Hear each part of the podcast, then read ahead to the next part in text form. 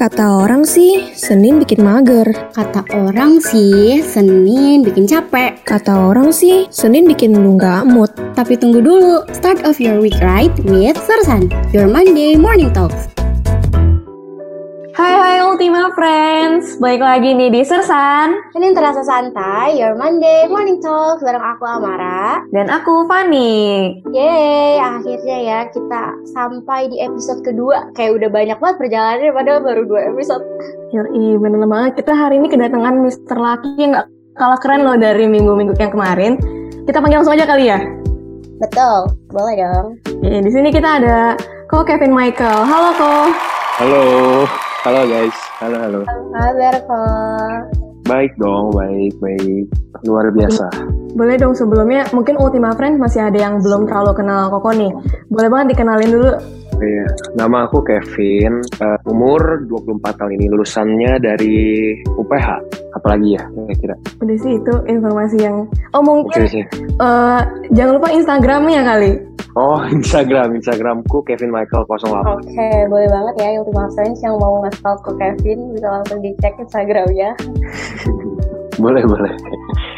Nah oke paling gini nih kita kan tentunya sebelum datengin Ko Kevin ke sini nih kita udah stalking stalking nih udah ngeliat dari Instagramnya tuh kayaknya foto-fotonya tuh keren-keren banget loh apalagi outfit-outfitnya yang estetik banget gitu ya nggak Mara?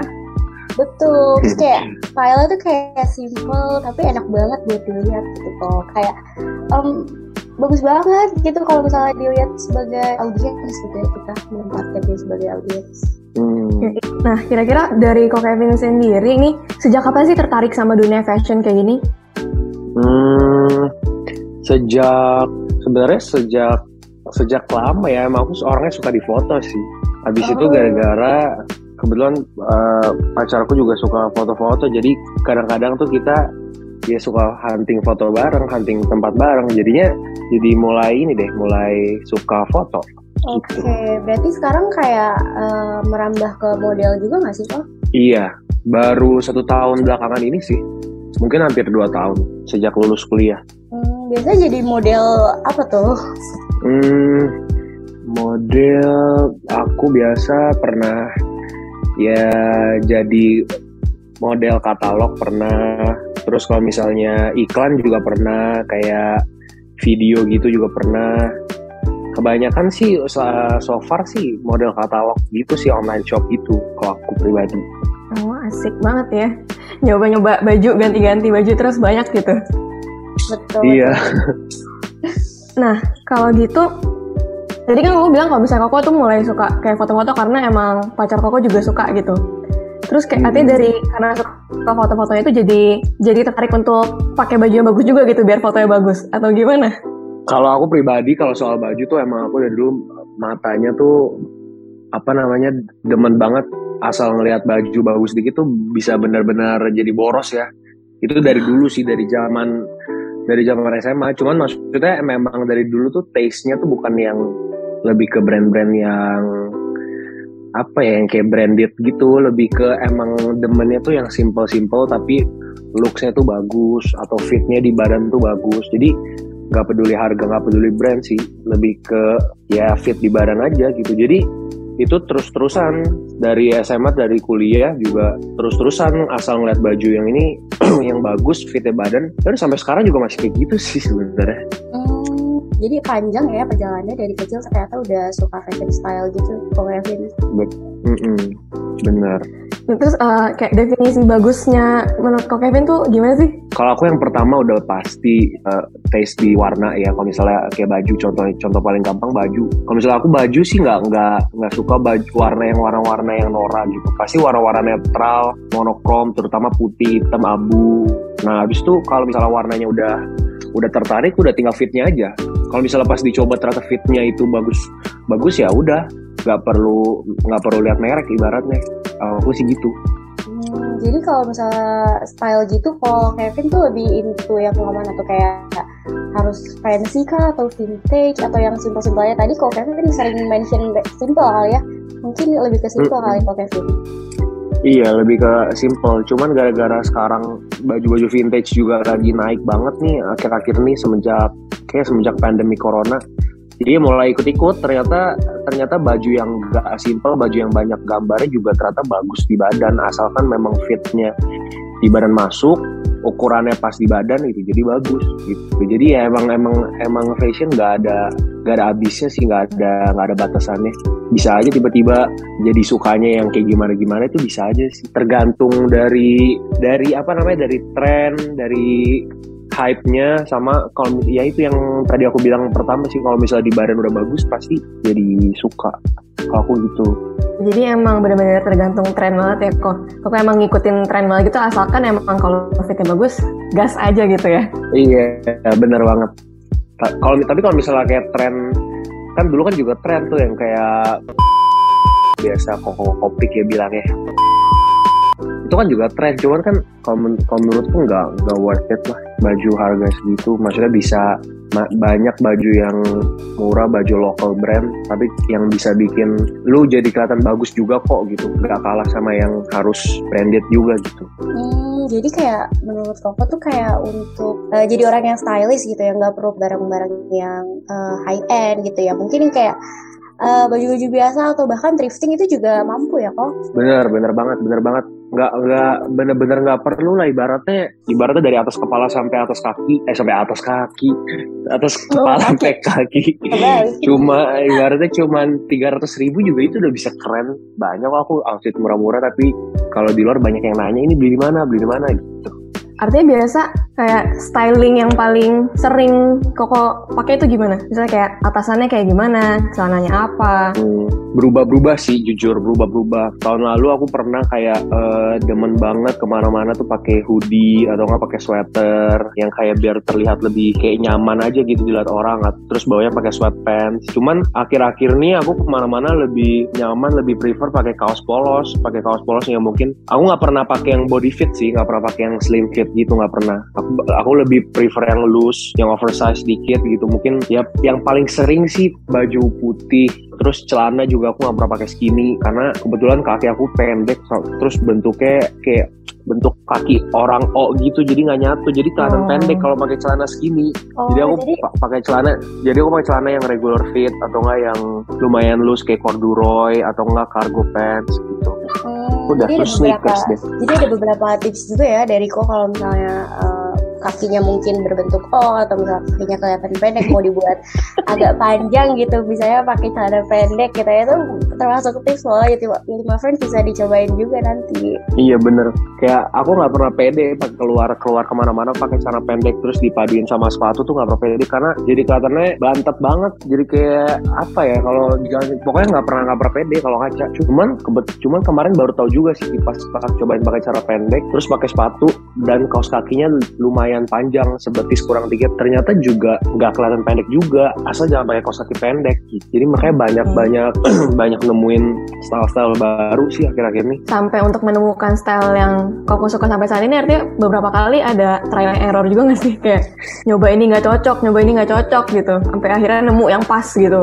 Menurutku trial and error tuh atau kita nemuin taste yang nggak cocok tuh kayaknya enggak karena kalau misalnya kita lagi demennya apa terus kita pakai mau orang orang-orang bilang jelek juga kita pasti ngaca bilangnya ganteng juga nih. Cuman pas kalau misalnya sekarang kayak kita ngelihat uh, cara berpakaian kita dua tahun atau tiga tahun yang lalu itu jadi kayak apa banget lu. Tuh. Jadi kayak bener, bener. upgrade upgrade gitu upgrade. Makanya kan di TikTok tuh banyak banget tuh kayak orang-orang bikin video perbandingan cara berpakaian mereka sebelum covid sama sesudah covid kan beda hmm. banget cara berpakaian orang-orang jauh banget upgrade ya gila parah jauh banget setuju sih setuju banget kayak gara-gara TikTok sih gitu ada kok Kevin juga termasuk yang berubah gitu nggak? Kalau yang kayak tadi kok Kevin udah ngomongin berubah banget. Iya berubah banget sih kalau ngelihat dulu banget banget. Okay. Dulu dulu dulu ibaratnya zaman yang kayak ke mana-mana pakai hoodie sok-sokan aduh jelek lah kalau ngeliat yang dulu-dulu maksudnya men mendingan sekarang lebih upgrade okay. gitu sih iya. kita biarin lah ya masa lalu ada di masa lalu gitu kita kalau Bener, setuju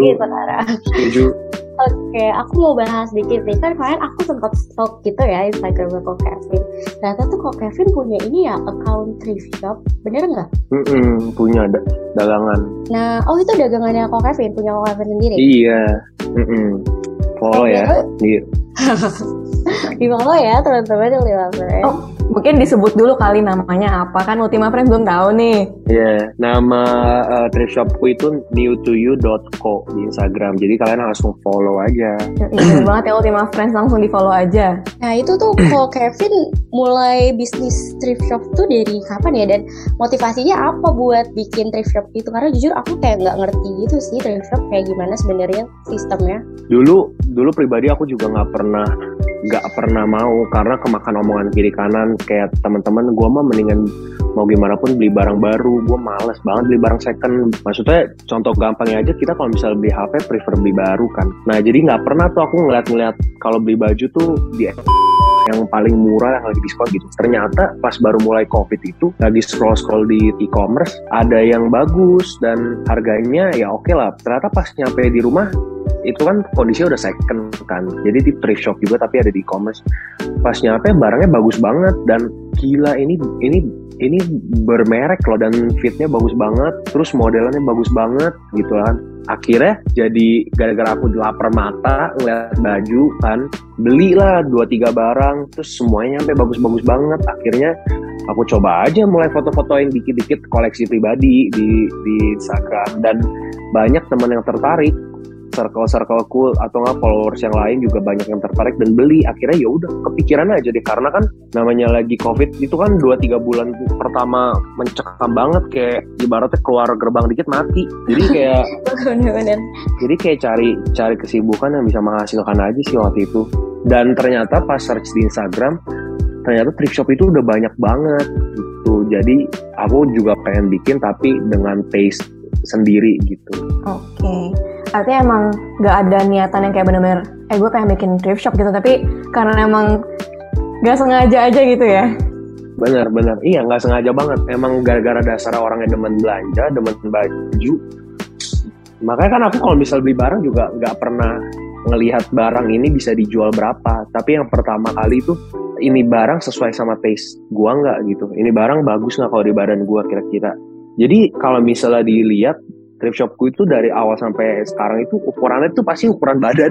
Jadi based on apa yang aku suka dan apa yang aku bakal pakai karena menurutku tes aku nggak jelek-jelek banget. Jadi ya udahlah palingnya juga orang-orang ada yang demen juga pakai uh, tes sendiri dan semuanya kayaknya kalau misalnya nggak ada yang beli tuh bisa pakai sendiri ya kok? Oh iya.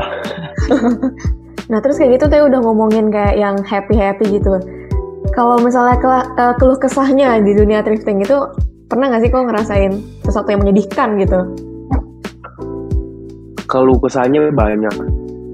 Dari pertama itu barang nyampe kadang-kadang ada yang nggak dicuci dulu sama sellernya. Jadi pas nyampe tuh baunya itu benar-benar tikus got juga kalah bau. Wow. jadi benar-benar bau banget sampai sampai dicuci sekali aja tuh nggak nggak mempan gitu. Jadi kan kita juga harus nyuci sendiri. Dulu saking kepengen dapat margin untung yang gede ya kita nggak mau laundry karena buat apa keluar duit lagi? Jadi cuci sendiri di rumah gitu. Terus uh, yang bikin susah juga kalau misalnya kita lagi dapat barang warna putih.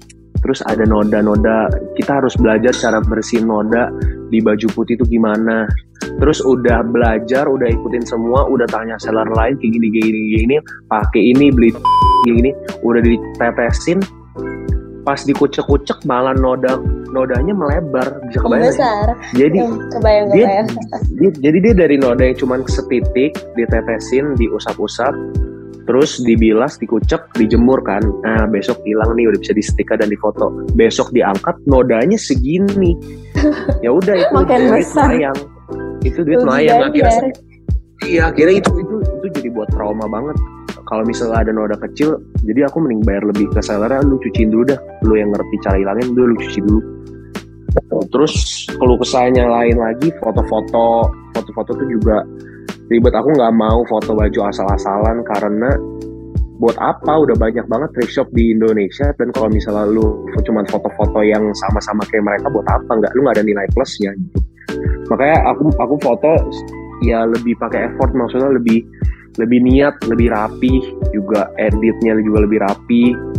Terus kayak ya foto kan di rumah kan di rumah jadi pakai background sendiri pakai background kain gitu ya itu menurut gue effort juga sih karena capek foto-foto sekali foto lim, bisa 50 baju gitu capek juga badan sampai pegel-pegel juga Wow. Kesahnya Nah. itu apalagi Artinya kayak semua prosesnya gitu dari cari barang-barangnya, terus sampai foto-fotonya, semuanya koko yang ngurusin sendiri. Iya, sampai sekarang masih sendiri. Kadang-kadang kalau misalnya aku udah kepepet banget, lagi ada kerjaan lain, paling minta bantuin Dede sih buat packing gitu. Wah mantap banget ya, semuanya bisa sendiri. Betul, aku kirain bareng Enggak. tim gitu loh. Kayak ada yang fotoin, tim fotoinnya, ada yang tim bener-bener nyari ke pasarnya, ada tim packingnya. Ternyata kok sendiri ya? Nggak expect sendiri ternyata. Iya, enggak lah. Kalau tim soalnya eh, satu budget kan, karena ya ini bukan jadi main income juga. Maksudnya buat sampingan. Dan kalau misalnya eh, side hustle kayak gini aja kita harus pakai tim, ya itu budget. Terus kedua susah juga kita samain taste kita ke orang lain. Dari mulai dari taste bajunya, taste modelnya sampai taste cara fotonya, editnya. Makanya aku berat suka eh, ribet juga kalau misalnya minta tolong Dede buat fotoin atau apa takutnya yang dia udah anggap bagus ang- menurutku masih kurang banget jadi malah nyusahin orang aku paling mager juga kalau nyusahin gitu Iya, iya sih bener banget ya, artinya kayak standarnya tuh beda kan ya. Mm-mm, bener Nah kalau misalnya dari 2020 sampai sekarang udah 2022 ya berarti udah mau 2 tahun gitu ya setahun lebih lah ya. Mm-mm. Kalau ngejalanin thrifting shop itu eh, ada nggak sih pengalaman yang menarik gitu dari selama ngejalanin thrifting shop itu? Pengalaman yang menarik banyak yang kayak kita hunting baju ke pasar menurutku itu menarik. Aku pernah ke Bandung untuk nyari barang. Jadi dia ada satu pasar gede banget kan. Di situ banyak banget barang saking banyaknya sampai jadi kagak tahu mau beli yang mana. Sampai akhirnya tujuannya ke Bandung itu untuk wah di sana wah bi- punya pemikiran wah di sana gue bakal gila-gilaan bodo amat gue bakal 10 juta 10 juta ibaratnya gitu kan buat beli buat dijual lagi. Ternyata saking banyaknya barang di sana terus pengap jadi bingung banget pusing. Akhirnya jadi nggak beli apa bayangin gak sih Nggak jadi Bodoh dijualan banget. dong. akhirnya pas keluar eh, nyari napas dulu kan nyari udara seger ada kakek-kakek yang lagi ngobrol barang banyak ngobrol di aspal dikasih tiker tuh terus dia eh, obrol terus samar-samar kan dia kayak teriak-teriak gitu ayo dibeli weh." dari jauh kayak kedengeran ceban ceban eh pas dideketin beneran ceban jadi ada satu jaket ceban bener-bener literally ceban Ya, jadi beli banyaknya di luar. Maksudnya di beberapa market ada orang yang eh, tidak menghargai, ya me- menghargai cuma sebatas sepuluh ribu, tapi di beberapa di beberapa market juga ada orang yang sangat menghargai barang barang thrifting gitu. Menarik sih nyari-nyari ke pasar sendiri, nawar-nawar sendiri. Terus ternyata baru tahu juga di thrift shop tuh juga banyak yang ni- nipu, orang-orang nipu di online tuh banyak banget. Jadi harus hati-hati juga harus hati-hati juga iya kayak kalau karena aku kan sebagai pedagang jadi aku udah tahu lah ciri-ciri orang yang nipu. Kadang-kadang tuh mereka suka ngambil foto dari pedagang lain terus harganya tuh nggak make sense. Banyak banyak yang nipu. Banyak banget. Aku juga pernah aku juga pernah kena tipu pernah kena tipu lima ratus ribu tapi ya itu makanya di thrift shop ini enaknya tuh karena eh, semuanya ngandelin online jadi kita juga berteman sama seller-seller lain. Jadi kita saling sharing saling nanya juga kalau ada yang shady ada ada pedagang yang kayak mencurigakan kita tanya lu pernah nggak belanja di sini? Ini siapa sih lo dan kita saling ngebantu saling support. Itu enaknya sih di dunia thrift shop ini Oke, jadi emang di thrift shop ini, di dunia thrifting itu emang udah punya komunitas gitu ya istilahnya. Iya, ada komunitasnya lumayan kuat banget. Kemarin tuh baru ada baru ada yang nyinggung di Instagram. Jadi si lagi podcast sama satu orang temennya dan dia tuh ngatain kalau eh, baju vintage thrifting itu kayak perampok karena baju bekas yang terlihat gembel itu bisa dijual juta-jutaan dan or eh, seller-seller thrift shop tuh kompak banget dan akhirnya mereka zoom zoom bareng buat klarifikasi gitu. Jadi kompak banget. Oke, Artinya seru emang juga ya. Jadi kayak gitu banyak banyak komunitasnya yang emang sangat amat solid gitu loh. Iya, solid banget. Nah, oke. Tadi kita kan udah ngebahas soal thrift-thrift gitu ya, baju-baju OTD dan lain-lainnya. Kita lihat juga di Instagram uh, Koko nih ada konten-konten kayak konten-konten OTD juga gitu. Hmm. kayak Koko tuh sering banget bikin kayak kayak reels TikTok gitu. Apalagi ya kayak apa sama komunitasnya apa ya namanya? Aku lupa yang yang ada cewek-cewek, ada cowok-cowok juga. Oh itu tuh by itu. Nah iya tuh by itu. Nah itu boleh dijalin nggak? Koko tuh biasanya bikin kontennya konten kayak gimana gitu? Kalau kalau aku sendiri ini terlepas dari misalnya aku lagi ada barang yang harus aku foto misalnya ya terlepas dari itu pasti aku tiap minggu tuh update juga. Karena kan aku scroll TikTok juga pasti orang-orang update ada cafe baru. Kalau misalnya cafe baru pasti aku datengin. Dan kalau misalnya datengin cafe baru ya udah sekalian. Kalau misalnya kafenya jauh mending sekalian kita bawa outfit yang bagus. Dan di sana kalau misalnya kita bisa ada spot-spot yang kita suka ya kita foto. Dan kalau misalnya reels itu ya aku cuma mau ngikutin aja sih ngikutin kebanyakan orang. Sebenarnya aku juga mager banget bikin transisi kayak gitu-gitu. Maksudnya transisi transisi videoku juga nggak seberapa yang cuman ganti-ganti baju biasa bukan yang ribet-ribet. Dan tapi kayak gitu aja tuh malesin kadang. Suka males ngeditnya males ganti-ganti baju gitu. Ya yang simpel-simpel aja lah. Intinya aku update uh, cafe dulu sih. Aku suka cafe hopping karena banyak banget ma uh, sering berjalan waktu tuh kafe-kafe baru tuh terus bermunculan mau di Jakarta mau di Tangerang dan banyak banget spot-spot foto yang bisa dipakai buat buat kita makin perbarui Instagram kita feed kita. Kalau misalnya Tuba itu Tuba itu ya kita bikin konten seputar couple saja. Game game couples ke atau apa ke gitu aja sih.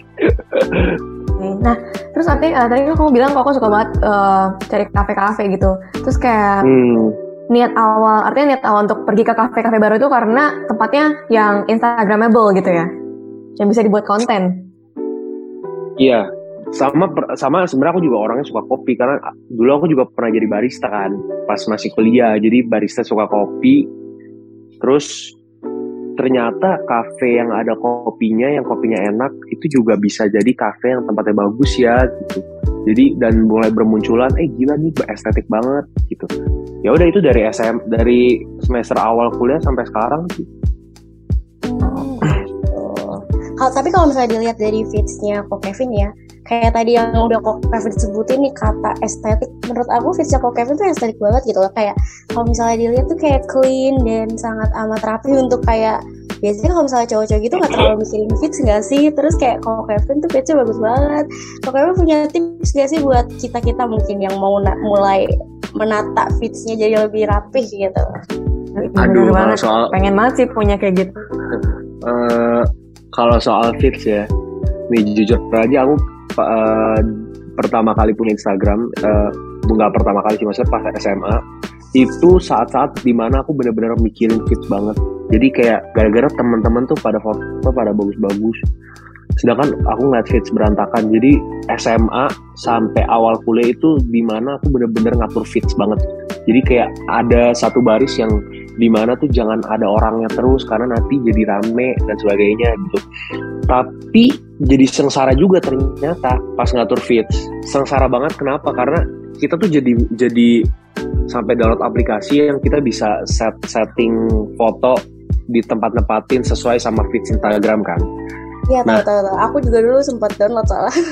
Iya, nah itu tuh jadi jadi jadi bikin sakit kepala gila. Jadi kayak kalau kita kita nggak akan pernah bisa post foto kalau misalnya uh, set misalnya kita set untuk 9 foto ke depan untuk 9 foto ke depan gitu ya nah kalau misalnya ada satu foto yang salah aja rasanya kita tuh nggak mau mulai dari pertama nanti takutnya malah jadi hancur dan itu itu pernah aku gara-gara ngatur ngatur fit biar bagus malah jadi nggak pernah post foto hampir setengah tahun kali. Pas zaman zaman awal kuliah jadi kayak kok jadi malah kayak toxic banget sih gue gitu. Jadi sekarang justru malah udah nggak pernah mikirin fit sama sekali. Sekarang ada foto gue lagi bagus kek atau atau gue lagi ada foto apa pun yang bagus udah post aja. Sekarang justru kayak gitu jadi sekarang sih dibilang fit rapi sih menurutku nggak banget berantakan banget banyak banget yang jauh lebih rapi dan aku pengen banget punya fits kayak orang-orang teman-temanku juga ada yang rapi aku juga kadang-kadang suka pelajarin nih gimana sih cuman aduh susah banget susah banget jadi kalau dulu tuh kok kayak sempat ngerasa Instagram jadi toxic ya karena mikirin feeds. Karena jujur aku juga mikir kayak gitu sih, soalnya kayak jadinya kita malah mikirin harus bagus loh apa yang kita keluarin daripada kayak kita nge-share moments yang kita punya. Karena bener sebenarnya bener tujuan awal Instagram tuh kan kayak buat nge-share moments kita nggak sih kok? bener bener bener banget. Iya, bener banget. Iya ya. Eh, aku juga ngerasa kayak gitu. Tapi ada juga orang yang memang banyak banget orang yang ngatur fitsnya itu rapi bagus banget itu tanpa dia berusaha. Karena memang dia punya taste ya udah emang udah beda. Sebenarnya eh, taste fits pribadi aku mah jauh banget dari kata estetik menurutku berantakan. Kalau misalnya dilihat dari estetik tuh menurutku yang estetik itu yang kayak dia tuh bisa foto apa aja dan bagus ketika dimasukin Instagram. Sedangkan kalau misalnya aku feeds aku tuh orang semua. Foto di selalu ada akunnya entah lagi sendiri ke entah lagi berdua entah lagi. Jadi orang semua jadi rame banget bawaannya tuh feeds sedangkan kalau misalnya fit es- estetik di kacamata aku tuh ya feeds yang nggak terlalu ribet nggak terlalu kompleks orang-orang terus tuh yang enak banget kalau di scroll Hmm, gitu. Oke. kayak mungkin menurut menurut Koko kayak gak terlalu kelihatan estetik tuh, tapi mungkin di mata orang lain itu estetik bisa gitu. bisa Di mata jadi bisa kita. jadi bisa jadi bisa jadi Ini kok Kevin dari awal kita ngebahas ngebahas thriftingnya kok Kevin, ngebahas style bajunya kok Kevin, terus juga sampai perkontenannya sama two by two ya. Ya, menurut aku pembahasan kita hari ini tuh insightful banget. Makasih banyak kok Kevin. Thank you, thank you banget. Aku juga thank you banget. Aku seneng banget bisa bantu mungkin kalian ada yang struggle apa, misalnya pengen punya thrift shop juga atau yang pengen mulai, boleh lah sharing-sharing, mampir ke thrift shopku, kita DM DM atau Instagramku juga nggak masalah. Nanti kita share. Makasih banyak kok Kevin. Kak Fani ada yang mau disampaikan? Oke, paling thank you aja Kok Kevin. Semoga semua yang udah dibicarain sama Kok Kevin hari ini bisa bermanfaat ya. Dan see you Ultima Amin. Friends di episode selanjutnya. Peace out.